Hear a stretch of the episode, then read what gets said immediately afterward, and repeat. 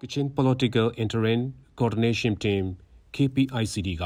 2022ခုနှစ်ဖေဖော်ဝါရီလ10ရက်နေ့တွင်ကျင်းပသည့်ပင်လုံစာချုပ်ချုပ်ဆိုခြင်း85နှစ်မြောက်အခမ်းအနားသို့တဝန်လွှာပေးပို့ပါတယ်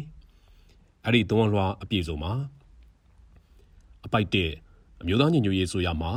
ပင်လုံစာချုပ်၏အနှစ်သာရများဖြစ်သည့် Federal Democracy ရေးဖြစ်သောတန်းတူရေးနှင့်ကိုယ်ပိုင်ပြဋ္ဌာန်းခွင့်များကိုရှင်းသန်စေရန်ရည်ရွယ်၍ပင်လုံစာချုပ်ချုပ်ဆိုခြင်း 85နှစ်မြောက်ထိမ့်မှတ်ပြုသောအခမ်းအနားအားမိမိတို့ KPICT မှလေးနက်စွာအတိမတ်ပြုပါသည်အပိုက်နှင့်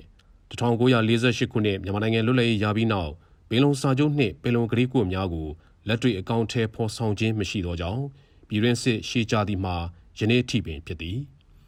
အပိုက်3အမျိုးသားညီညွတ်ရေးဆိုရမှာယနေ့2022ခုနှစ်ဖေဖော်ဝါရီလ12ရက်တွင်ကြာရောက်သည့်ပင်လုံစာချုပ်ချုပ်ဆိုခြင်း 85နှစ်မြောက်ထိမ့်မှတ်အားကျင်းပပြုလုပ်ခြင်းသည်ရခိုင်ကအကောင့်ထဲမဖော်ခဲ့သောပင်လုံစာချုပ်နှင့်ပင်လုံကတိကဝတ်များကိုအမျိုးသားညီညွတ်ရေးဆိုရ၏နိုင်ငံရေးလုပ်ငန်းစဉ်များတွင်လက်တွေ့အကောင့်ထဲဖော်ရန်စတင်သော အထိတ်အမှတ်ဖြင့်ကြိုဆိုပါသည်အပိုက်လေးထို့ကြောင့်အမျိုးသားညီညွတ်ရေးဆိုရမှဥဆောင်ကျင်းပသောပင်လုံစာချုပ်ချုပ်ဆိုခြင်း85နှစ်မြောက်ခန္ဓာအားအောင်မြင်စွာကျင်းပနိုင်ပါစေကြောင်းမိမိတို့ KPICT မှစုမွန်ကောင်းတောင်းအပ်ပါသည် Kachin Political Interim Coordination Team KPICT ဟုဖော်ပြပါရှိပါတယ်